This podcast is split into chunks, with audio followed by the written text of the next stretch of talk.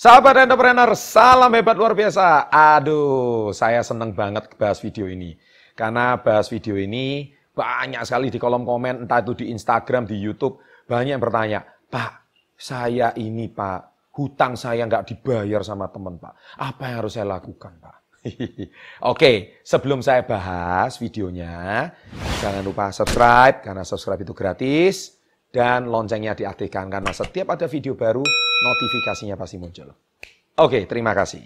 Nah, jadi di video saya kali ini cara menagih hutang teman yang tidak mau bayar.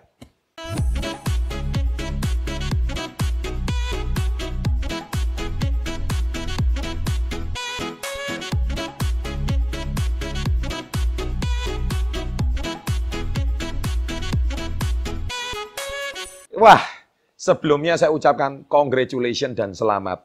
Kenapa? Karena kalau teman sampai hutang duit sama kamu, berarti kamu lebih kaya dong dari dia. Betul dong? Kamu lebih mampu dong dari dia. Yaitu kita harus bersyukur. Ya, kenapa? Kalau kamu sampai hari ini nggak ada orang mau hutang sama kamu, berarti kamu memang tidak punya tampang untuk diutangin duit gitu. Biar saya mau ketawa dulu deh. Asik bener saya mau ketawa. Tapi kalau Anda sudah ada teman mau hutang duit sama kamu, berarti kamu terlihat lebih mampu. Saya kok mau ketawa terus ya di video kali ini. Kenapa? Iya, karena banyak. Karena dulu waktu saya juga masih susah, nggak ada tuh temen yang mau hutang duit sama saya.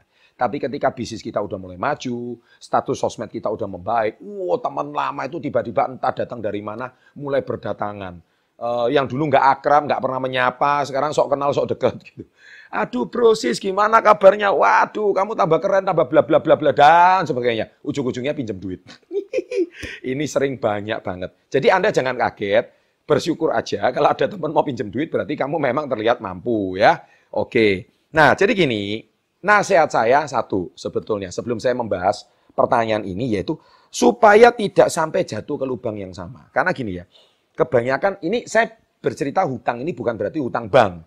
Bukan ya, cara tips dapat hutang dari bank, terus membayar kartu kredit. Tidak, tidak, saya nggak akan bahas. Ini cuma antar teman, ya, antar teman entah itu teman sekolah, teman SMA, atau teman lama, teman akrab dan sebagainya. Nah, intinya supaya tidak sampai jatuh ke lubang yang sama, artinya apa? Sulit sekali ditagih.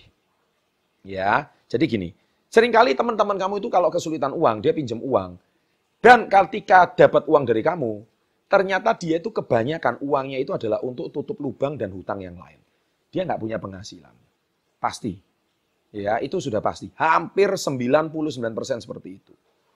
Entah dia itu punya hutang di sana, punya hutang sama lintah darat, punya hutang sama koperasi, punya hutang sama teman, punya saudara sakit, bla bla bla dan berbagai macam aneka ragam.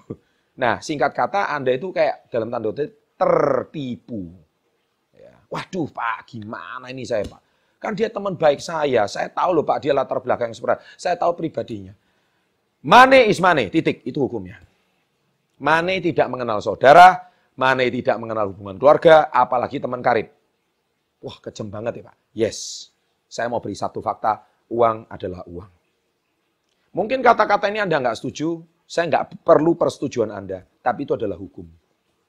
Uang nggak mengenal saudara, uang nggak mengenal teman, uang nggak mengenal kawan, uang nggak mengenal masa lalu. Uh, saya punya masa lalu yang baik sama dia. Money is money. Makanya bagi Anda yang belum menikah, ketika Anda menikah, Anda pasti ditanya sama bagian catatan sipil. Catatan sipil itu bertanya, ketika Anda menikah sama suami dan istri, catatan sipil akan, apakah ada pisah harta atau tidak? Kenapa catatan sipil itu selalu mempertanyakan hal ini?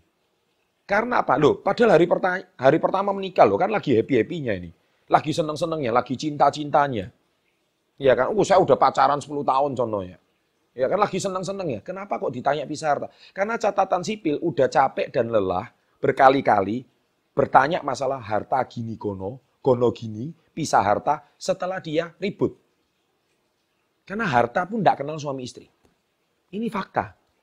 Halo bro, sis, percaya sama saya. Halo sahabat SW30. Nah ini, saya mau bahas ini lebih kepada mindset Anda. Kenapa kok sampai hutangmu nggak terbayar? Berarti ada yang salah dengan cara berpikirmu. Nah, jadi cara nagihnya gimana? Cara nagih itu seperti biasa. Semua orang akan lakukan. Dan sudah kamu lakukan. Saya nggak perlu ulangi. Ya udah deh saya ulangi, nggak apa-apa. Yang pertama, ada tiga biasa yang umum. Pertama, Eh, saya butuh uang. Kan kamu janji kemarin dibalikin. Kok sampai sekarang udah dua minggu kok nggak dibalikin? Pertama dia balas, iya, oke. Lama-lama chat kamu nggak dibalas. Lama-lama kamu diblok. Seperti itu kan? ya udah, saya udah tahu. Ayo komen. Komen di bawah. Betul nggak? Ngalami nggak? Oke. Yang kedua, saya butuh du duit. Apa aset yang bisa digadaikan? Jadi contohnya mungkin dia pinjam uang 2 juta. Ya udah dia punya HP, ya HP-nya disita aja. Sorry loh, aku juga butuh. Ya kan? Jadi waktu pinjemnya aduh kayak malaikat, tapi naginya waduh kayak setan luar biasa. Ya kan? Itu sudah pasti. Kemudian berikutnya juga, saya hari ini butuh duit, apa aset yang bisa di, ditukar. Jadi dia di rumah punya apa ya, apa yang bisa dijual, dijual lah. Nah tapi kalau jalan terakhir itu pun masih nggak bisa, Ya udah terpaksa cara nagih yang ketiga, yaitu ikhlaskan. Loh, Pak Chandra, mana bisa diikhlaskan Pak? Itu duitnya besar, anak saya butuh makan, istri saya butuh makan, cicilan saya terus berjalan, cicilan motor sih. Kan masalah dia jadi masalah saya Pak. Loh pertanyaannya itu bukan masalahnya, cara nagihnya. Pertanyaannya, kenapa kok kamu sampai bisa dipinjam gitu loh. Nah makanya tonton video saya sebelumnya nih ya, yang mana judul video saya sebelumnya adalah tips menghadapi teman ketika pinjam uang. Silakan tonton video itu. Nah kesalahan Anda adalah kenapa kok kamu sampai bisa pinjemin uang tapi kamu nggak punya persiapan kalau uang kamu nggak dibalikin. Nah ini permasalahannya. Gitu loh.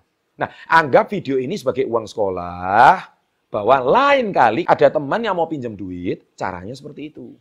Ngerti ya? Karena semua orang kebanyakan mostly 95% and above in this world have a money problem, have a financial problem. Trust me. Pasti. Ya, saya udah pengalaman lebih dari 20 tahun ribut. Memang nggak enak ribut, tapi mau gimana lagi? Money is money. Uang ada dua, titik.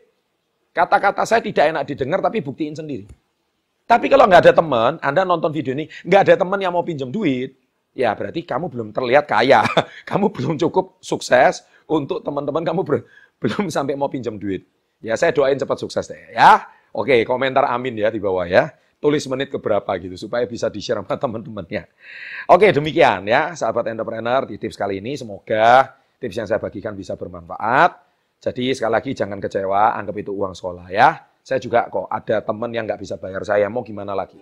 Jadi saya bisa berbagi ini karena pengalaman saya pribadi. Semoga pengalaman ini bisa membantu dan bisa menguatkan hati Anda Nah, untung cuma satu dua orang yang nggak balikin. Kalau beribu-ribu orang nggak balikin ya itu berarti kamu problem. Kamu orang yang baik tapi tidak benar. ya kan? Jadi orang yang benar. Oke, demikian tips saya kali ini. Jangan lupa subscribe, loncengnya diaktifkan, dua video ditonton, share sama teman-teman, dan always salam hebat luar biasa. thank you